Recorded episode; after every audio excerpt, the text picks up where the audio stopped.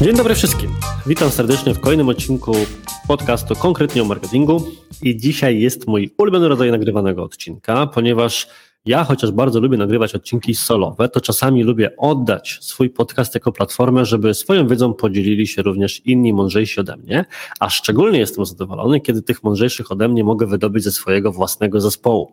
I tak jest również dzisiaj, ponieważ dzisiaj będzie ze mną Maja Czerwińska. Maja Czerwińska, z którą pracuję już zaraz dwa lata, zaczynała jako specjalista od reklam na Facebooku, a bardzo szybko dzięki odpowiedniemu zaangażowaniu, wysokim umiejętnościom i świetnej komunikacji doszliśmy wspólnie do wniosku, że e, czeka na nią ambitniejsza rola, rola team lidera, którą pełni już przeszło rok. I tak się szczęśliwie składa, że wszystkie projekty, które są pod jej ręką, radzą sobie doskonale, także nie tylko sprawdziła się jako osoba E, będąca wykonawczą osobą związaną z reklamami, ale również jako osoba zarządzająca i mentorująca innych, którzy się tymi rzeczami zajmują, więc gorąco się cieszę, że mogę ją dzisiaj gościć, ponieważ ja sobie bardzo lubię i cenię ten typ lidera, który nie dość, że jest dobry w zakresie nazwijmy to prowadzenia ludzi, to jeszcze sam jest dla nich autorytetem merytorycznym, bo to jest właśnie osoba, która przyciąga wówczas do własnego zespołu inne takie osoby. I zaprosiłem Maję z tego tytułu, że wszyscy ostatnio w internecie dużo mówią na temat zmian, które przyniesie iOS, tudzież przyniósł już iOS 14 w kontekście atrybucji, rozliczania reklam, raportowania wyników i tym podobnych rzeczy. To właśnie spod ręki między innymi Mai na naszym firmowym blogu Digitalk ostatnio ukazał się naprawdę sążnisty materiał, który mogę z czystym sumieniem polecić każdemu, kto chciałby nie tylko posłuchać, ale i poczytać na temat tego, co iOS 14 zmieni w zakresie działalności reklamowej. Natomiast postanowiliśmy jeszcze trochę rozszerzyć to, czy trochę też pofantazjować, dokąd to nas to wszystko sprowadzi i porozmawiać na temat tych zmian już osobiście z Mają. Także po całówce zapraszam do wysłuchania rozmowy z Mają Czerwińską.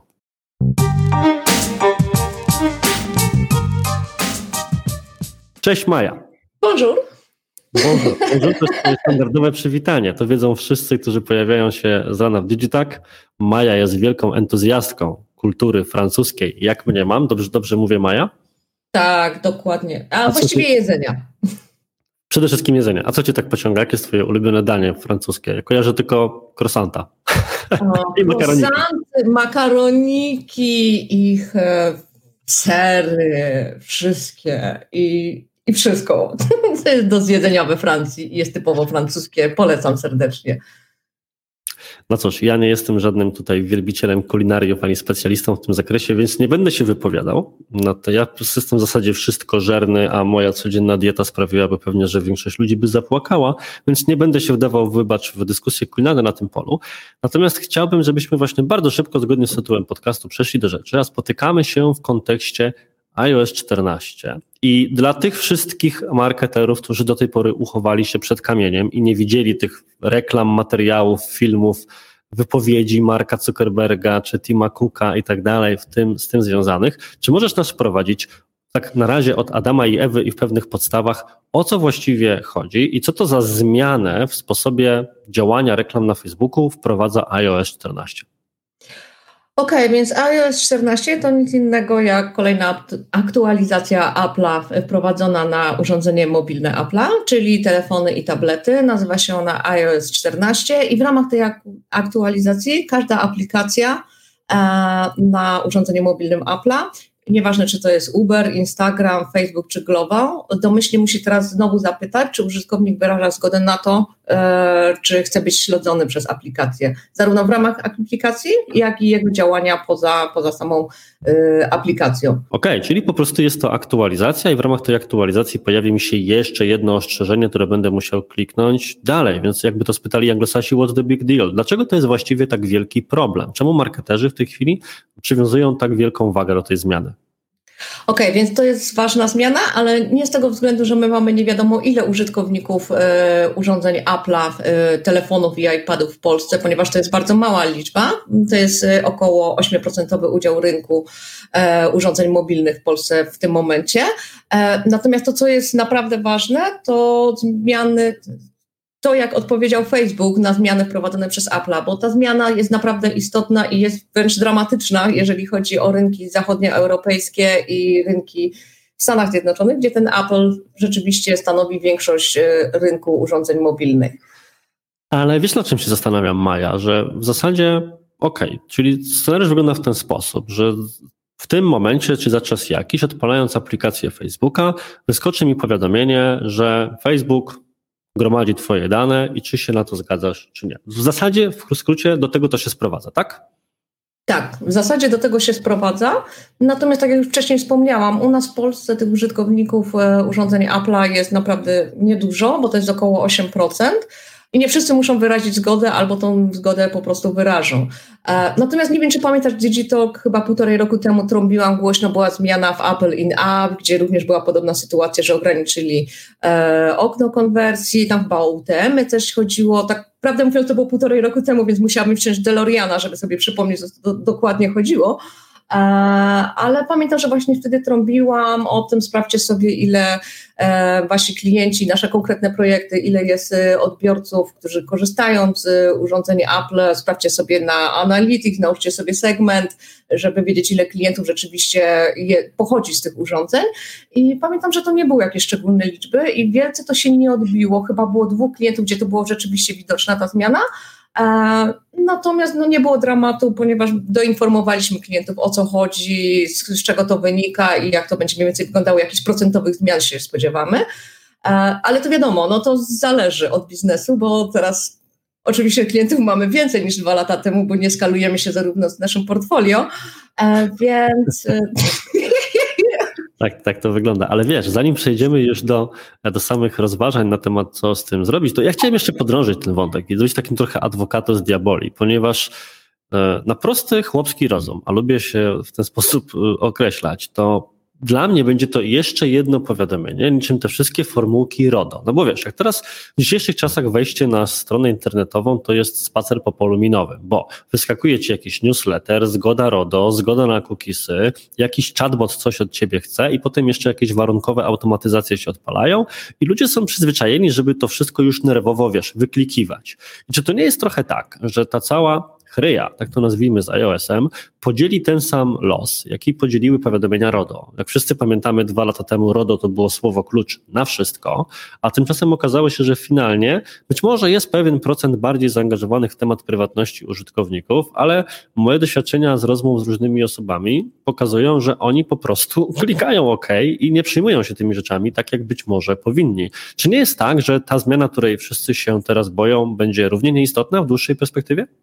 E, przypuszczam, że tak to będzie wyglądało, e, że i tak dalej będzie się toczyła ta walka, każdy ponaciskał zgodę na pliki cookie, zgodził się na śledzenie i potem robi awanturę, o rany, śledzą mnie, dlaczego ten Facebook, Facebook mnie śledzi i prześladuje z tą reklamą tych gaci, które oglądałem tydzień temu w sklepie internetowym.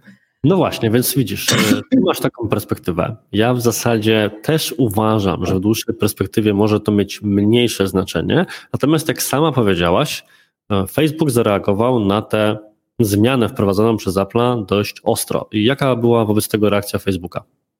E, reakcja Facebooka była bardzo mocna. Pamiętam ten taki podcast, który był bodaj o drugiej w nocy czasu polskiego Facebooka, gdzie tam były trzy czy cztery osoby się wypowiadały na temat tych zmian, co oni planują wdrożyć, co zmienić, jak to będzie wyglądało ze względu na nową politykę Apple'a. Um, no było to w bardzo takim nerwowej atmosferze, z takim żalem do Apple'a, że dlaczego tak robicie, że przecież założenie e, u nas konta jest, jest znaczy, nie, e, warunkiem koniecznym do założenia konta u nas przecież jest wyrażenie zgody na to, że będziemy śledzeni. No i zaprezentowali tam szereg zmian, które oni w ramach tego wprowadzą i te zmiany już są wprowadzane globalnie na wszystkich kontach. My to też obserwujemy na naszych, e, na naszych kontach reklamowych. Okej, okay, ale to, co tak naprawdę się zmienia? No bo wiemy już, że w tym momencie, że Facebook zareagował ostro, na pewno wielu spośród słuchających nas teraz kojarzy te wszystkie powiadomienia, które pojawiały się od jakiegoś czasu, że wkrótce nadejdzie iOS 14 i zmieni sposób raportowania, bla, bla, bla i tak dalej. Kojarzymy też być może, że Mark Zuckerberg występował w tej sprawie. Jest też dosłownie tydzień temu wystąpienie Tima Cooka na temat prywatności na konferencji bodajże w Brukseli. Tutaj dokładnie musiałbym e, sprawdzić. Natomiast już tak odchodząc od tego wątku historycznego, bo to w zasadzie jest taki wątek trochę historyczno-internetowy, to biorąc pod uwagę codzienną pracę osoby, która zajmuje się menadżerem reklam, jakie są najważniejsze zmiany, które wprowadzenie iOS 14 i idących za tym zmian w menadżerze reklam w codziennej pracy takiej osoby, znów muszę użyć tego słowa, zmienią. Okej, okay, więc pierwszą taką największą zmianę, e, która dotknęła chyba wszystkich e, osób, które działają na menadżerze reklam w ekosystemie Facebooka, e, to był brak zliczania całościowego i ROAS-u, i zakupów, wartości zakupów, wydanych kwot. A z czego to wynikało? Zmieniła się atrybucja na Facebooku z domyślnego okna 28-dniowego na atrybucję 7-dniowego okna. To uwaga, tu ci wejdę w zdanie, bo rozbijemy sobie te wszystkie zmiany na cząstkę składową, czyli po pierwsze jakiś błąd, jak to zwykle bywa, kiedy Facebook coś zmienia, wtedy są zawsze błędy, ja się zawsze stresuję, bo wiem, że czeka mnie szereg nieprzyjemnych rozmów z kursantami, z klientami i tak dalej, gdzie trzeba będzie to wytłumaczyć, a po drugie zmiana e, atrybucji. A natomiast biorąc pod uwagę, że nie wszyscy, którzy nas słuchają, zajmują się na co dzień e, menadżerem reklam albo analizą wyników w obrębie menadżera reklam, czy mogłabyś trochę przybliżyć, na czym polega w zasadzie ta podstawowa atrybucja, z czym czym ona się wiąże i dlaczego ta zmiana na model siedmiodniowy jest tak wówczas znacząca? Atrybucja to nie jest nic innego jak przedział czasowy, w którym są zliczane zdarzenia, do których doszło pod wpływem reklam. I taki prosty przykład, mam reklamę na Facebooku butów, klikam w nią, idę do sklepu, kupuję te buty. Albo klikam tylko do sklepu i niekoniecznie kupuję te buty, za tydzień mnie złapie reklama y, Google'owa, no i pod wpływem tej reklamy kupię sobie te buty. I teraz tak, atrybucja działa w ten sposób, że i system reklamowy Facebooka, i system reklamowy Google'a przypisze sobie 100% udziału wartości. Jeżeli ja to zrobiłam w przeciągu tygodnia, no to wtedy moja atrybucja e, tego zakupu to będzie 7 dni. Jeżeli to zrobiłam, dłużej mi to czasu zajęło zastanawianie się, czy ja rzeczywiście potrzebuję tych butów, no to wtedy mogłoby to być po 14 dniach. Wiadomo, w zależności od produktu, to, to czas y, decyzji zakupowej może być dłuższy. To może być tydzień, dwa tygodnie, Okej, okay, i czyli zmiana z 28 dni raportowania na 7 dni. Tak w ogóle jako specjalista od reklam, jak oceniasz tę zmianę? To jest twoim zdaniem sensowny ruch, niesensowny? Abstrahując od tego całego wątku związanego z iOS-em, tak? No to, to czy sama zmiana, czyli skrócenie okna atrybucji wyników na Facebooku z 28 dni do 7 dni, to jest twoim zdaniem ruch sensowny czy niesensowny?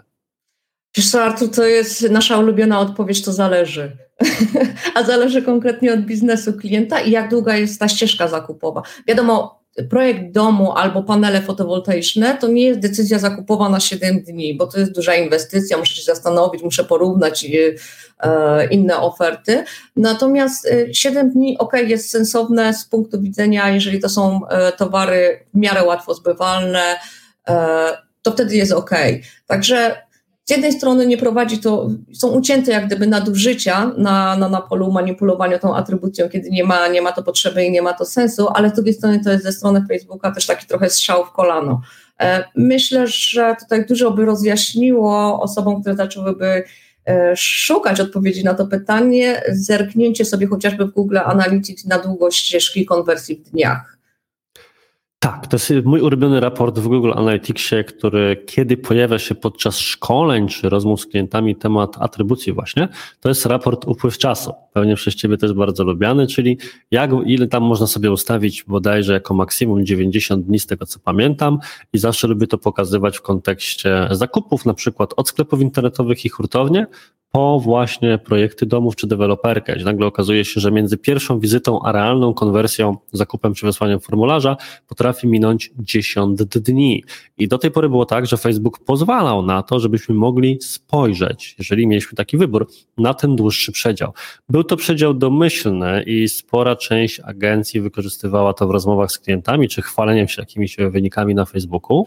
Natomiast ja też jestem po tej stronie, że uważam, że ma to swój, e, swoje pewne uzasadnienie, ale pewne nie.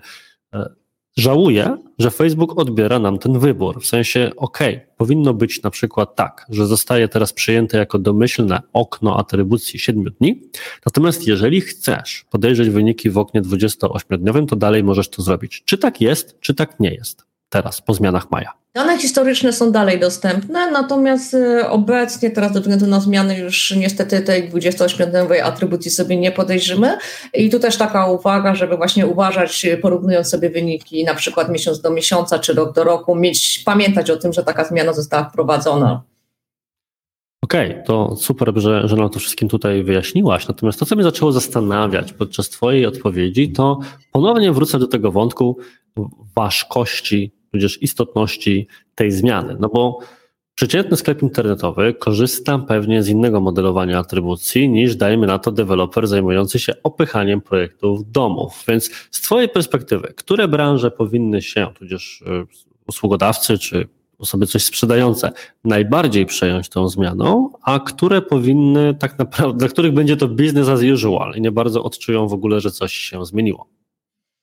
Um, te branże, które chyba najmniej odczują tą zmianę, to właśnie, jak wcześniej wspominałam, to są produkty łatwo zbywalne, gdzie rzeczywiście ten proces decyzyjny zakupu jest dosyć szybki, zamyka się w tych siedmiu dniach, albo na przykład większość tych zakupów zamyka się właśnie w oknie tym siedmiodniowym. E, to niewielka zmiana tak naprawdę będzie zauważalna tutaj w wynikach reklamowych na, w menażerze reklam. E, natomiast e, rzeczywiście te wszystkie branże, które mają długie okno czasowe, czyli przypuszczam, że tutaj to będzie AGD na pewno, deweloperka na 100%, motoryzacja, co jeszcze?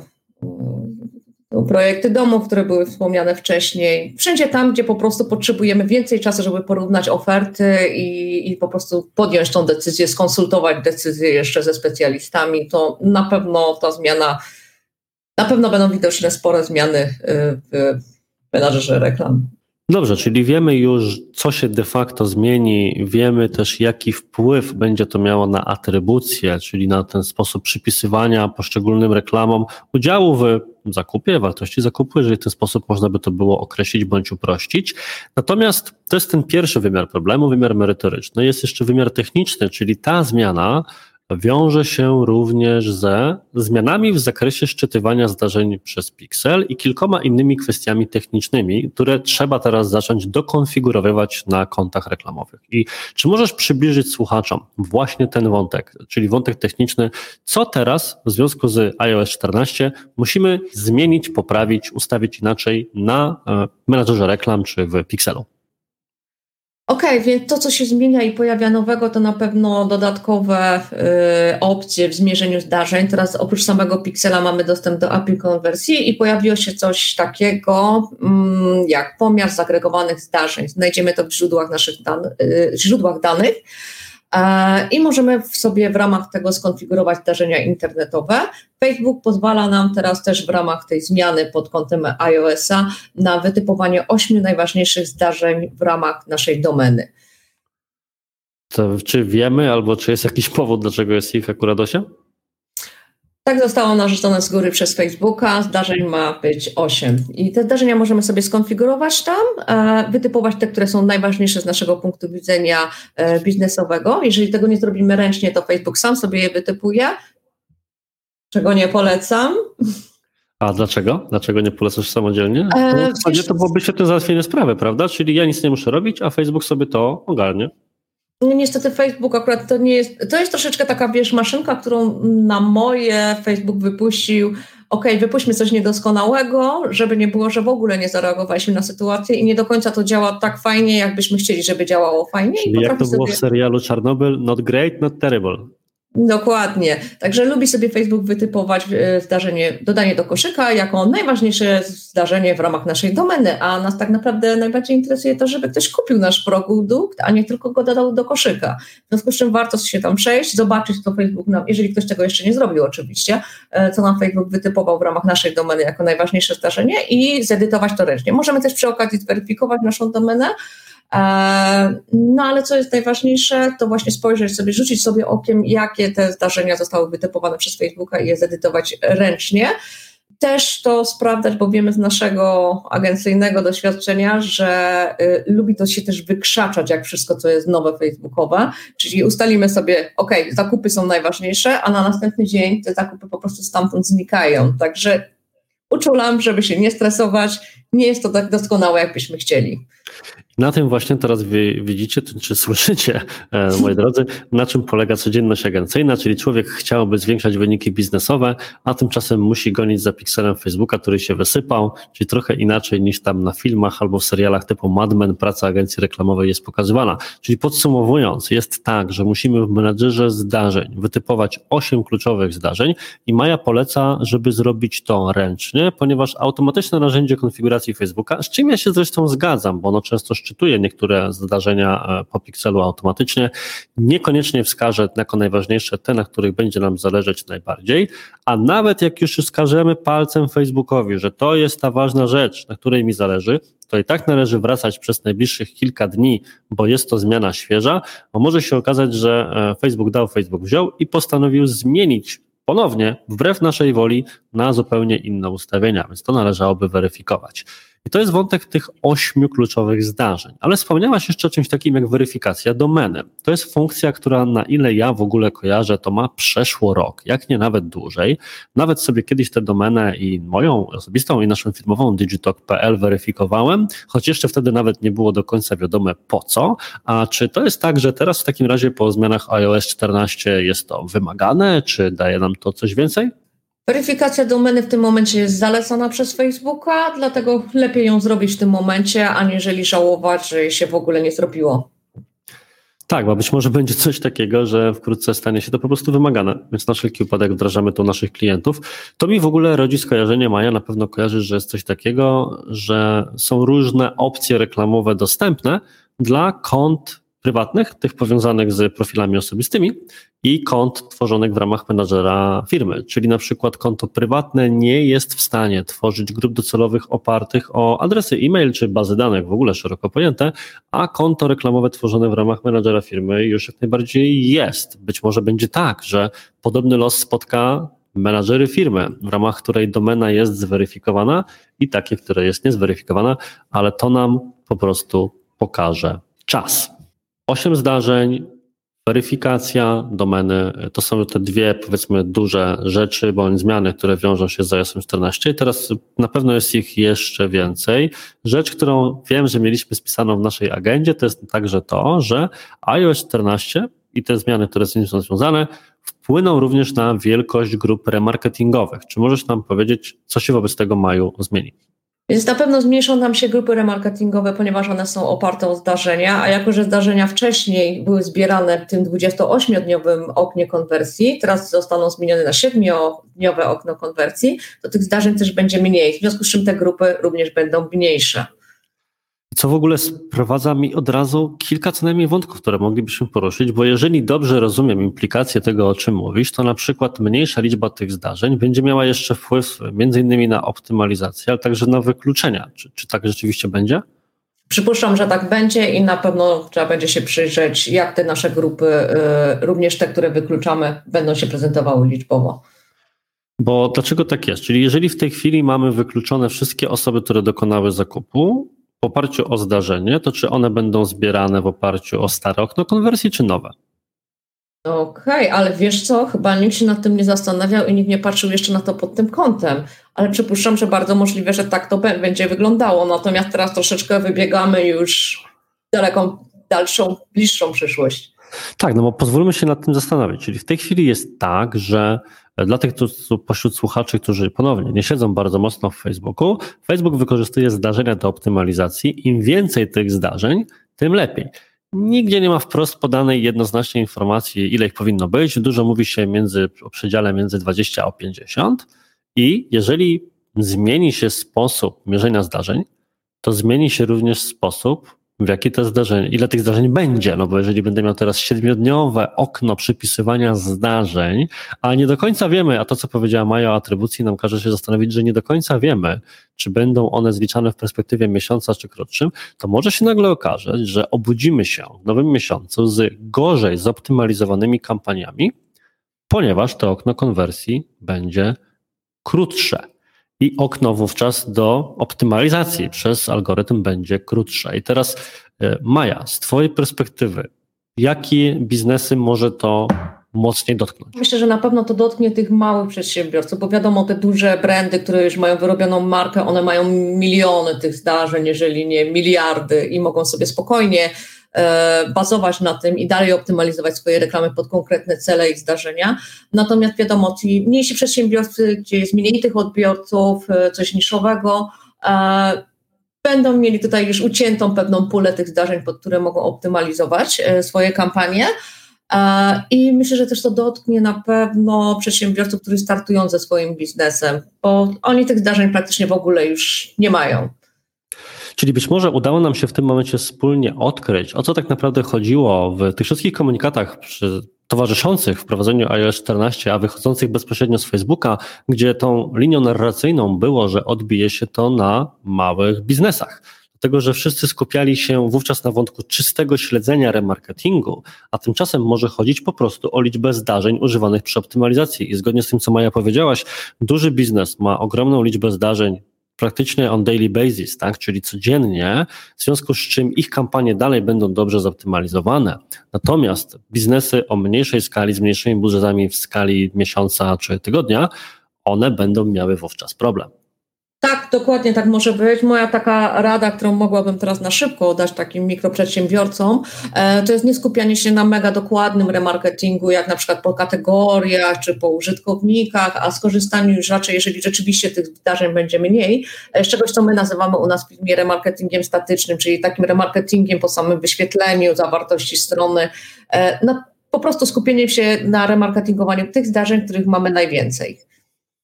Powiem Ci, Maja, że to się bardzo mocno wiąże z wątkiem, który ja często poruszam na szkoleniach, gdzie zazwyczaj mówię ludziom takie zdanie, że im mniejszy masz budżet, tym bardziej ogólne ustawienia przyjmujesz w swoich kampaniach i w tym momencie dałoby się to przystawić również do tej optymalizacji facebookowej i zwłaszcza do remarketingu w świecie iOS 14, bo im mniejszy masz budżet, tym mniej zdarzeń pod optymalizację, tym bardziej ogólne powinny mieć Twoje e, ustawienia, ponieważ wtedy sama skala pomoże Ci zoptymalizować kampanię, choć może w oparciu o nie aż tak dokładne dane, ale paradoksalnie wyjdziesz nad tym lepiej niż w sytuacji, gdybyś próbował bądź próbowała ustawić swoje kampanie bardzo dokładnie, ale Facebook miałby zbyt mało danych, żeby to przyjąć i odpowiednio wówczas przestawić. Tak, racja, tym bardziej, że to jest e, potwierdzona prawda, że Facebook im ma bardziej wąską grupę docelową, im ona jest mniejsza, tym koszt tej reklamy jest zdecydowanie większy.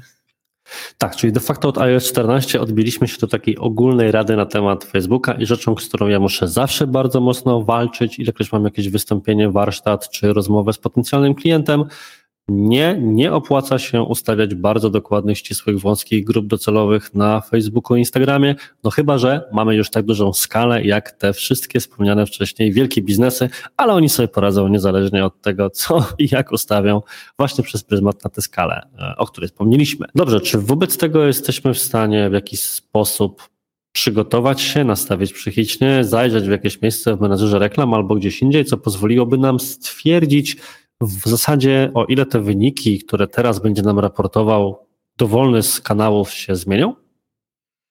E, wiesz co, na pewno zaleciłabym sprawdzenie sobie chociażby w Google Analytics e, raport konwersje w e-commerce. Znajdziemy taki raport, który się nazywa Czas do zakupu. Można tam nanieść spokojnie segment źródła media społecznościowe i po prostu sprawdzić, ile nasi użytkownicy potrzebują dni do dokonania transakcji. Jeżeli widzimy tutaj, że więcej niż 7 dni to jest na przykład 20%, to możemy takiej procentowej zmiany spodziewać się też na naszym menadżerze reklam. I w sumie drugim sposobem, żeby to sprawdzić, który z kolei mogę podpowiedzieć ja, to byłoby zajrzenie bezpośrednio do menadżera reklam i w zakładce kolumny, to w ogóle wiesz, to co ja najbardziej lubię, tłumaczenie w podcaście Maja, e, Google Analyticsa i Facebook Managera. Jak państw, szkoda, że Państwo tego nie widzą. E, natomiast to, co proponuję, to włączyć sobie kolumny niestandardowe i zestawienie, porównania modelów atrybucji. To jest ten mały napis na niebiesko w prawym dolnym rogu. Niestety znam ten panel na pamięć i mogę to powiedzieć. I włączenie porównania jedno 7, 28-dniowej domyślnej właśnie atrybucji, porównanie tych wyników między sobą, bo okaże się na przykład, że między oknem 7-dniowym a 28-dniowym będzie wspomniana przez Maja, Maję już 20-30% różnica. I te różnice możemy przyjąć jako różnica między tym, co zabrał nam nową atrybucją Facebook, a co, chcąc porównując wyniki w czasie, moglibyśmy założyć a konto Facebooka. Właśnie. I wobec tego myślę, że będziemy powoli zbliżać się do końca naszego dzisiejszego spotkania, więc Maju, czy mógłbym prosić Cię o podsumowanie tych wszystkich wątków, które poruszyliśmy, żeby tak osoba, która słucha i właśnie kończy nas słuchać, może gdzieś dojeżdża albo po prostu przewinęła do tego momentu, miała podane na tacy wszystkie kluczowe aspekty z naszej rozmowy. To, co się na pewno jeszcze zmieni, to zmniejszy się liczba zdarzeń, pod które będziemy mogli optymalizować nasze reklamy. E, jeżeli nie macie biznesów, gdzie to są dziesiątki konkretnych zdarzeń w przeciągu tygodnia albo tysiące w skali miesiąca, to na pewno zalecamy, żeby optymalizować reklamy pod y, zdarzeniach, których macie więcej e, i też y, gdzie te wasze grupy odbiorców są też większe. Co z tego, co powiedziałaś, może doprowadzić nawet do tego, że warto byłoby puszczać ogólne reklamy remarketingowe, na przykład remarketingu statycznym, jeżeli dobrze, dobrze zapamiętałem. I ostatnim wątkiem, który się pojawił podczas naszej rozmowy, był wątek dotyczący analityki. Z mojej perspektywy, jak zawsze, perspektywa menadżera reklam jest, pamiętajcie proszę, kolumny niestandardowe, porównanie modeli 1, 7, 28-dniowego, wyliczenie procent różnicy między oknem 7-dniowym a 28-dniowym i ten procent od tej pory zakładamy jako ta brakująca pula do naszych wyników, które chcielibyśmy chociażby na użytek wewnętrzny móc sobie zaraportować. A rozwiązaniem wewnątrz Google Analytics maju jest? To jest raport konwersje, e, e-commerce i czas do zakupu. I tym oto sposobem dotarliśmy do końca dzisiejszego odcinka. Także bardzo Ci Maju dziękuję za przyjęcie, przyjęcie zaproszenia. Mam nadzieję, że będziesz gościć w moim podcaście częściej i o nie jedną facebookową czy Google Analyticsową zmianę będę mógł Cię wymaglować. Przed nami w ogóle zupełnie nowy jeszcze temat, który mam nadzieję z czasem poruszymy, czyli Google Analytics 4. Bawiłaś się już nim trochę? Jeszcze nie, ale naprawdę myślę, że to będzie antidotum na kłody pod nogi, które teraz nam rzuca Facebook, także na pewno wrócimy do tego tematu. Ja również tak uważam, ponieważ to, co zdążyłem się zorientować, włączyłem sobie na razie testowo na swoich prywatnych stronach Google Analytics 4, to jest tam duża zmiana w kierunku raportowania przede wszystkim bardziej wielokanałowego i skupienia się na retencji użytkowników i czegoś, co się ładnie określa po angielsku lifetime value. Więc oso osobiście niesamowicie mnie to cieszy, ponieważ zawsze frustrują mnie rozmowy na temat atrybucji last klikowej i przypisywania całej odpowiedzialności czy zasługi za zakup tylko jednemu źródłu, no ale to już temat na zupełnie inną okazję. Także raz jeszcze bardzo dziękuję Ci Maju, że to, że znalazłaś czas i zgodziłaś się u mnie wystąpić. Wszystkim życzę powodzenia, absolutnie szczerze, ze zmianami związanymi z iOS 14, szczególnie tym, którzy tak jak my pracują w agencji reklamowej i będą musieli się z tych wszystkich zmian klientom tłumaczyć, a każdego słuchacza zachęcam do subskrypcji tego podcastu, oceny, jeżeli Wasza aplikacja na to pozwala i do usłyszenia w następnym odcinku. Cześć!